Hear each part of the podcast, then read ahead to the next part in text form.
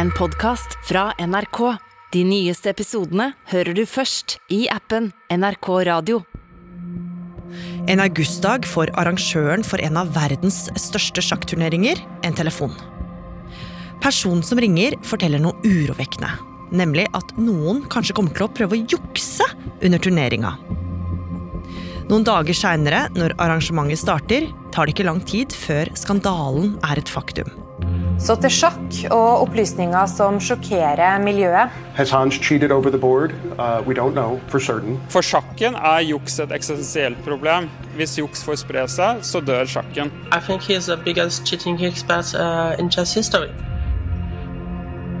Og midt oppi dette dramaet, som sjakksporten aldri har sett maken til, står Norges gullgutt og verdens beste sjakkspiller, Magnus Carlsen.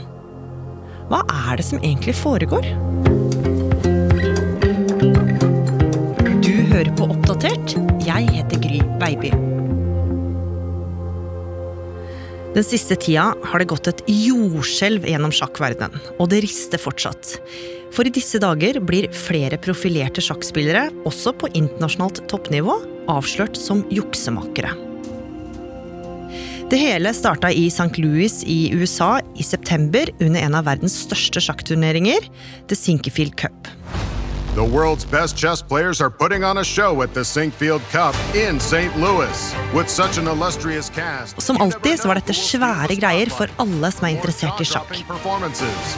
Round three of dazzling chess coming up next. Welcome back. I'm Peter Svidler, and with me is a doyen. Tredje runde var i gang, og i det som så ut som en litt trang gang, sto brune bord tett i tett. I taket hang store lyskastere, og langs veggen sto nysgjerrige tilskuere og presse. Alles øyne var festa til sjakkbrettene som sto plassert på hvert bord. Snart skulle tilskuerne feste blikket sitt til et helt spesielt brett, for der skjedde det noe ganske utrolig. And there we have our battle of uh, our leaders. Yeah, with Magnus starting with 1d4, no surprise there. Magnus På den ene sida av bordet, med svettedråper i panna, satt verdens beste sjakkspiller Magnus Carlsen. På den andre sida satt en relativt ukjent fyr med store, mørke krøller. that's probably as bad a, a, a body posture I've seen on Magnus in ages. I mean, he's just like, "Ugh, Yeah, this is this is not great. Yeah. Og en av dem som sperra øynene opp da de så hva som utspilte seg der på sjakkbrettet, det var deg, Torstein Bae. Du er selv sjakkspiller og sjakkommentator her i NRK. Hva var det som skjedde? Det var eh, Hans Niemann, en eh, ung amerikaner, et ubeskrevet blad, som skulle opp mot vår verdensmester Magnus Carlsen, eh, suveren eh, best i ti år. Så det er klart, dette var eh, noe som bare kunne gå én vei. Og så skjedde det utrolige, det gikk faktisk eh, helt motsatt vei. Det er Niemann som åpnet kolossalt, eh, fikk overtaket ut av åpningen, og så feide han Magnus Carlsen av banen. There we have it. handshake. Wow. What a result! What Wow. a result, guys. The Sinkfield Cup. What is it about the Sinkfield Cup? Hans Niemann just beat the world champ. Hans Niemann just beat Magnus Carlsen with the black pieces. Congratulations to Hans Niemann, what an achievement. Takes over the sole lead in the tournament. Impressive stuff. This is really something. Alle var sjokka. Til og med 19-åringen selv virka litt overraska etterpå. Okay, even if there's a draw, Yes. I think he's just so demoralized because he's losing to such an idiot like me. You know, it's just uh, it must be embarrassing for the world champion to lose to me. I feel bad for him. Dagen etter var det klart for ny runde i turneringa. Klokka sto på bordet, motstanderen satt klar, og alle venta på at Magnus Carlsen skulle ta plass på den andre sida av brettet. Men tida gikk, og ingen Carlsen dukka opp. Så begynte det å plinge i mobilene til tilskuerne. Sjakkentusiaster verden over tok opp telefonene sine og leste en kryptisk tweet som Carlsen hadde posta. Og man kan se for seg at de satt i et kollektivt gisp, for Carlsen hadde trukket seg. I meldinga sto det 'Jeg har alltid likt å spille i Sinkerfield, og jeg håper å komme tilbake i framtida'. Og sammen med denne korte teksten så lenka han til et intervju med fotballmanageren José Mourinho. I prefer really not to not to speak. If I speak, I am in, in big trouble. In big trouble. And I don't want to be in big trouble. Og Torstein, dette her det satte full fyr i sjakkmiljøet. Hva sa folk? Nei, dette var jo uhørt av verdensmesteren å trekke seg på den måten, og det man snakket om var at dette hadde ikke skjedd siden Bobby Fischer trakk seg i en turnering i Tunisia i 1967, og ikke engang det var egentlig like oppsiktsvekkende, for det var tross alt bare en uenighet med arrangøren om, om spilleprogrammet. Så det er klart at uh, dette førte virkelig til at uh, det umiddelbart kokte i sjakkverden. Hva var det Magnus hadde siktet til når han altså refererte til Mourinho og sa jeg kan ikke si noe mer?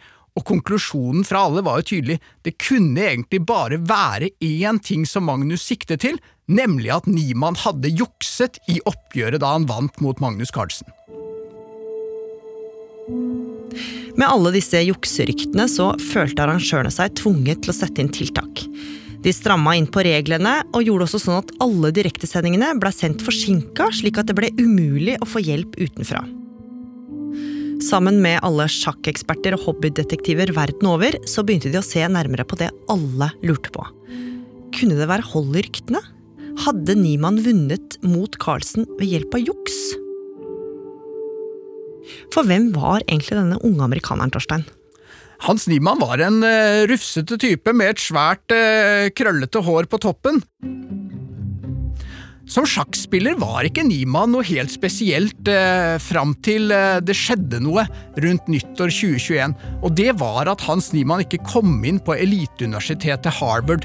Og Da bestemte Niemann seg for å satse alt på sjakken, Deretter har han eh, levd på fastfood og 14 timers sjakkstudier om dagen, og har gjort en utrolig reise fra å være en eh, vanlig, god sjakkspiller til å være en av de beste i verden ett og et halvt år senere.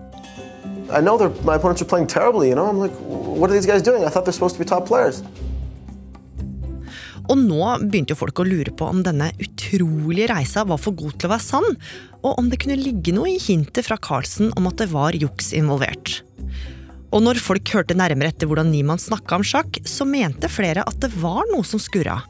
Han vil ofte ikke forklare trekkene sine, noe som jo er ganske vanlig å gjøre når man er proff sjakkspiller. Heller ikke etter å ha slått Carlsen kunne han gi noen god forklaring på valgene han hadde tatt. Bad, yeah. Was, he just he poorly, so. Uh, but uh, I was actually very fortunate uh, that this opening came on the board, and I looked at this today, and it's like it's such such a ridiculous miracle that, that I don't even remember why I checked it. Hva tenkte folk om denne mirakelforklaringa nå? Nå som ryktene om juks hadde begynt å spirre, så så mange på dette som uhyre mistenkelig. Eh, hvordan kunne Hans Niemann ha forutsett denne ene åpningen som Magnus hadde valgt å bruke, ut fra millioner av muligheter, og noe som Magnus så å si aldri hadde gjort tidligere? Var det et mirakel fra Niemann, eller var det kanskje noe som hadde skjedd som var eh, noe muffens? Mens alle venta på svar, så fortsatte turneringa, men uten Magnus Carlsen, som hadde pakka sakene sine og reist. Og publikum de fulgte jo ekstra nøye med på alt Hans Niemann gjorde nå. De granska spillene hans i detalj og smugkikka på ham hvor han enn gikk. De tiska og hviska i gangene, og på nettet var dette det eneste sjakkfolk snakka om. Var Niemann bare en juksemaker? Situasjonen ble rett og slett ganske uholdbar for 19-åringen, og etter to dager så ga han et intervju hvor han virka skikkelig lei seg over å bli hengt ut som en bedrager.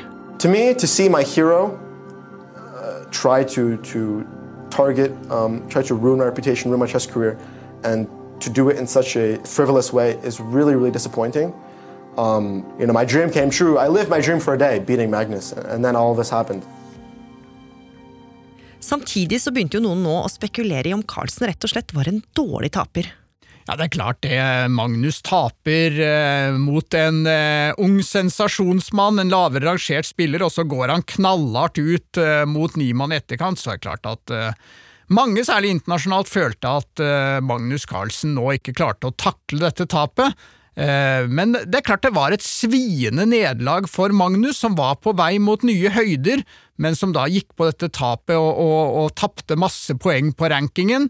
Så uh, dette var noe som kostet for vår mester.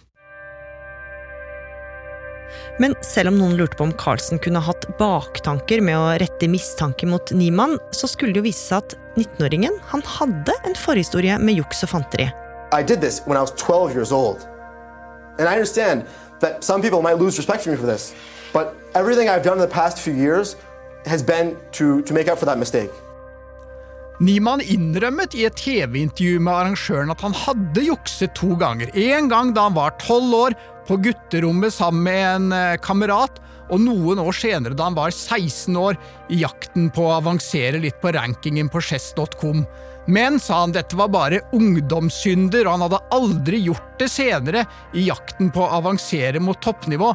Dette var noe som hadde skjedd bare et par ganger på chess.com, og det var det. Men selvfølgelig var det mange som så på dette som en karakterbrist. Men én ting var å innrømme å jukse på nettet.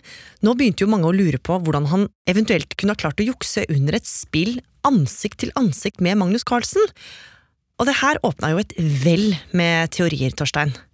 Ja, På høyt nivå så er det jo en rekke strenge sikkerhetstiltak, så det er ikke så enkelt å jukse, og en av teoriene som nå kom opp, var om Hans Niemann kunne ha en ørliten ting i øret eh, som man må ta ut med magnet, og som ikke gir utslag på metalldetektorene som spillerne må gjennom før start. En Bluetooth-øredings hvor han da ville få løpende informasjon under spillet fra en medhjelper. Men så kom den teorien som virkelig gjorde at det ble fyr i denne saken, og det var jo Elon Musk, verdens rikeste mann, som nå dro i gang på Twitter med teorien om analkuler. Ja, for det var jo en teori som virkelig ble lagt merke til. Hva gikk den ut på? Teorien var jo da at Hans Niemann eh, skulle før partiet ha puttet inn trådløse, vibrerende analkuler i rumpa, og at en medhjelper da, gjennom spillet, uten at uh, noen andre var kjent med det, skulle da via morsesignaler sende Niemann informasjon om hva som var det riktige trekket. Var det hesten som skulle flyttes? Var det dronningen? Var det nå et avgjørende punkt hvor Niemann måtte bruke ekstra mye tid for å finne det riktige trekket? Og det her var jo virkelig graverende anklager, og nå sto hele Niemanns karriere rett og slett på spill. Etter fem dager var arrangørene ferdig med sine undersøkelser, og sjefsdommeren var klar til å kommentere saken. Og konklusjonen den var tydelig. Det var ikke funnet noe tegn til juks i turneringa. Seinere skulle også en amerikansk professor, en av verdens fremste eksperter på feltet, komme med sine funn. Han hadde analysert alle partiene Niemann hadde spilt de to siste åra, og konklusjonen hans var heller ikke til å ta feil av. Alt så normalt ut. Nå snudde stemningen veldig markant i sjakken. Til å begynne med så hadde man hatt sterk tillit til at Magnus Carlsen, som kom med disse kraftige anklagene, selvfølgelig visste hva han drev med, som verdens fremste sjakkhjerne og, og, en unik evne til å se hva som er menneskelige og, og umenneskelige trekk. Men nå som ingen fant noen ting i det hele tatt, så ble det et rop i sjakkverden etter eh, at Magnus måtte komme på banen nå for å si hva var det egentlig han begrunnet dette med, hadde han bare vært en dårlig taper som ikke hadde noe dokumentasjon, eh, egentlig, eller hadde han noe kjøtt på beinet som faktisk viste hvordan Niemann hadde jukset? Og mens sjakkmiljøet lurte på hva i all verden som foregikk, så kom det ingen forklaring fra Carlsen. Men så skulle det skje noe som fikk folk til å lure. For nå ble det kjent at Niemann og Carlsen de skulle spille mot hverandre igjen. Og denne gangen så var det en online turnering. Det var jo tilfeldighetenes spill at disse to skulle møtes igjen rett etterpå, bare noen, noen dager etter at Magnus hadde trukket seg i eh, Sinkerfield Cup, og det er klart at eh, forventningene i sjakkverden var enorme til dette returoppgjøret og hva det skulle by på. Og hvis det nå skulle ha vært sånn at Niemann hadde juksa, så ville han vel i hvert fall ikke nå klare å, å jukse, eller våge å jukse i oppgjøret mot Magnus, og nå skulle vi endelig få se hvor god Hans Niemann var, da, med, med rene midler mot uh, vår mester. Og med Magnus selvfølgelig som stor favoritt til nå å sette skapet på plass og vise hvem som er uh, kongen i sjakkverden. Så den 19. september så var alt klart. Hans Niemann is waiting for this big, big encounter, guys. Magnus quit. Tusenvis av folk fulgte med foran skjermene sine, og Niemann og Carlsen de begynte å spille. Niemann åpnet med hvite brikker, Magnus Carlsen spilte sitt første trekk, og så, plutselig, Magnus Carlsen eh, gir seg, logger av, går i svart, taper med vilje mot eh, Hans Niemann. Jeg, jeg får jo opp at Magnus har gitt opp partiet. Det er en soleklar demonstrasjon. Her sitter altså Hans Niemann i St. Louis, spiller eh, ett trekk, Magnus svarer med ett trekk, spiller et nytt trekk, Niemann, og så gir Carlsen opp. What? What? The game between Hans and Magnus has got stuck. Lost? Lost? Magnus lost? Oh, he boycotted. Wow. You, you look shocked, David. Yeah, I mean, as soon as we saw Magnus appear on the webcam, I thought, okay, we're in for a game. At least uh, this will help things blow over. Let's focus on the chess again. But what do we say now? Um, Yeah. This is uh, this is a bigger statement than the tweet, I think. Og det er klart at om det som hadde skjedd i Sinkefield Cup var oppsiktsvekkende nok med å trekke seg fra turneringen eh, halvveis, så var dette likevel av en helt annen liga. Å tape med vilje mot en konkurrent i en viktig turnering, dette var absolutt fullstendig uhørt og, og en eh, skandale i eh, sjakkens verden, og, og eh, mange nå mente at dette var noe som Magnus Carlsen måtte straffes hardt for. Sjakkfolk over hele verden raste mot Magnus Carlsen og anklaga ham for usportslig oppførsel. Selv sa han ingenting, men så skulle han få støtte fra uventa hold. Ja, nå kom plutselig to av de største rivalene til Magnus Carlsen på banen, og først ut var Fabiano Caruana, den amerikanske stormesteren som utfordret Magnus om VM-tronen i 2018. Og det Caruana sa, var at han hadde gått gjennom spillene til Niemann og syntes det var et sånt skyhøyt nivå der at selv Caruana ville vært uhyre stolt av å få det til, og han syntes det var mange mistenkelige øyeblikk som for han virket som nesten umenneskelig nivå fra Hans Niemann. Og så kom russeren og sjakkspilleren Nepo med veldig interessant informasjon, og avslørte noe som hittil hadde vært hemmelig.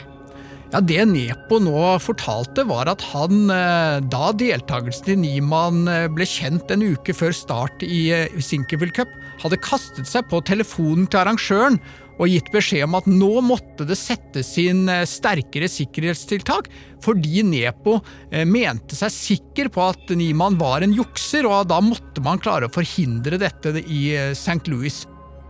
Så nå ble det jo klart at dette var ikke noe som Magnus Carlsen sto alene om å tro at Niemann var en jukser. Tvert imot fremsto det ganske klart etter hvert at dette var en utbredt holdning i verdenseliten, at Niemann var en jukser, og at man måtte være uhyre observant på han for å unngå ytterligere juksing.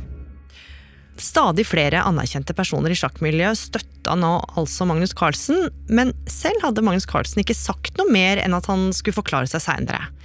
Og den 26. september, 21 dager etter at han trakk seg med den kryptiske Twitter-meldinga, plinga det endelig i telefonene til folk igjen. For nå hadde Carlsen posta et langt brev til sjakkverden. Det Magnus Carlsen skrev i dette brevet, var at han eh, trodde Hans Niemann hadde jukset mer enn det han hadde erkjent, eh, men at han ikke kunne komme med noen ytterligere bevis for dette med mindre Hans Niemann selv godkjente det. Det ene spørsmålet som dukket opp hos mange, var jo hvorfor skulle Niemann godkjenne at Magnus skulle legge fram mer bevis, og det ble nok også en skuffelse hos mange over at Magnus ikke kunne komme med mer kjøtt på beinet som virkelig underbygget hvordan og når dette jukset hadde skjedd. Og nå var det egentlig to steile fronter i denne saken. Det var Carlsen mot Niemann, og ingen av dem rikka på seg.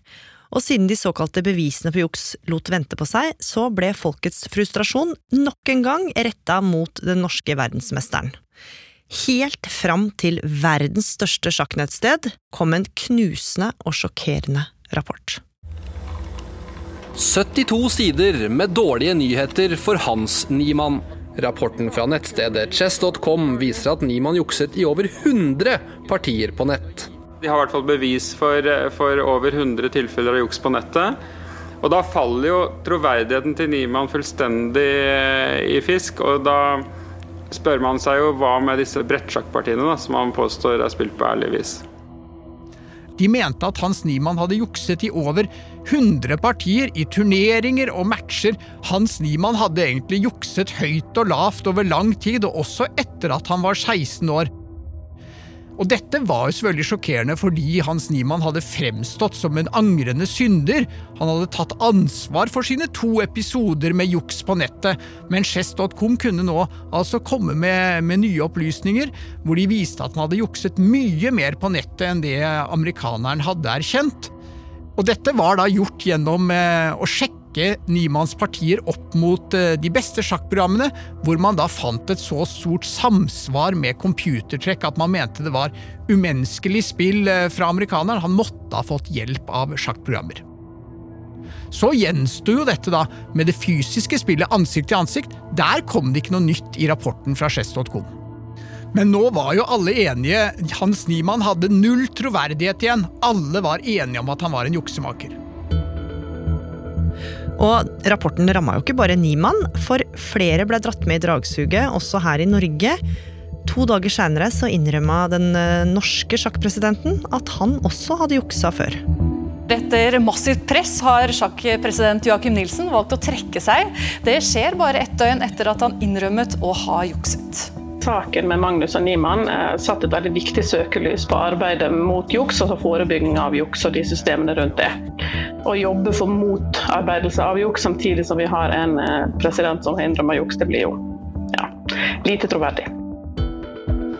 I en turnering i 2017, også det på nettet, så hadde Joakim Nilsen eh, fått hjelp av en eh, medhjelper, antagelig også av computerprogram, til da å finne de riktige trekkene og gjennom det vinne, vinne partier.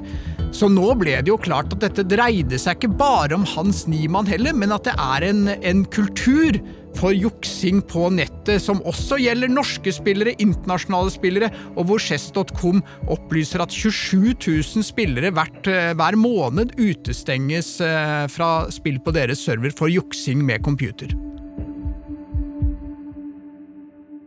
Men Torstein, hva skjer videre i saken nå? Vil vi noen gang få svar på hva som egentlig skjedde i kampen mellom Niemann og Carlsen?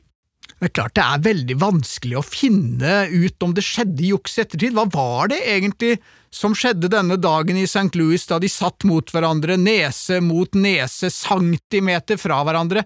Var det rent spill fra Hans Niemann eller ikke? Og det er klart at nå jakter alle på dette beviset. Er det noe i trekkene? Er det noe i tidsbruken til Niemann? Er det noe i videoopptak? Hvordan kan vi klare å finne ut om eh, Hans eh, Niemann eh, jukset i dette spillet? Han er jo utestengt fra chess.com nå, og, og, har vanskelig for å spille nettsjakk. Det er titusenvis av andre også, som også er blitt tatt for juksing på nettet, men det finnes fortsatt ikke noen avgjørende bevis for at Hans Niemann har jukset i fysisk spill ansikt mot ansikt. Niemann spiller nå det amerikanske mesterskapet. Niemann ønsker å komme videre mot den ypperste verdenseliten og kanskje bli verdensmester etter hvert i spill eh, ansikt til ansikt. Men hvordan tror du denne jukseskandalen vil påvirke sjakksporten videre? Det spørs jo om man i det hele tatt kan ha store turneringer lenger på nettet i samme grad som vi har hatt, for det er klart når man spiller på nett så vil det være utrolig enkelt å jukse. Det handler bare om å se på en mobiltelefon, få et tips fra computeren, du kan ha et annet vindu oppe hvor du får et tips, så det er veldig vanskelig å unngå å spille på nettet, og da spørs det om ikke vinden snur litt, og at vi går tilbake til at de store tingene må skje ansikt til ansikt, og så må man også der sette inn nye tiltak så vi klarer å forhindre at folk jukser vokser der, om det er med analkuler eller på andre måter.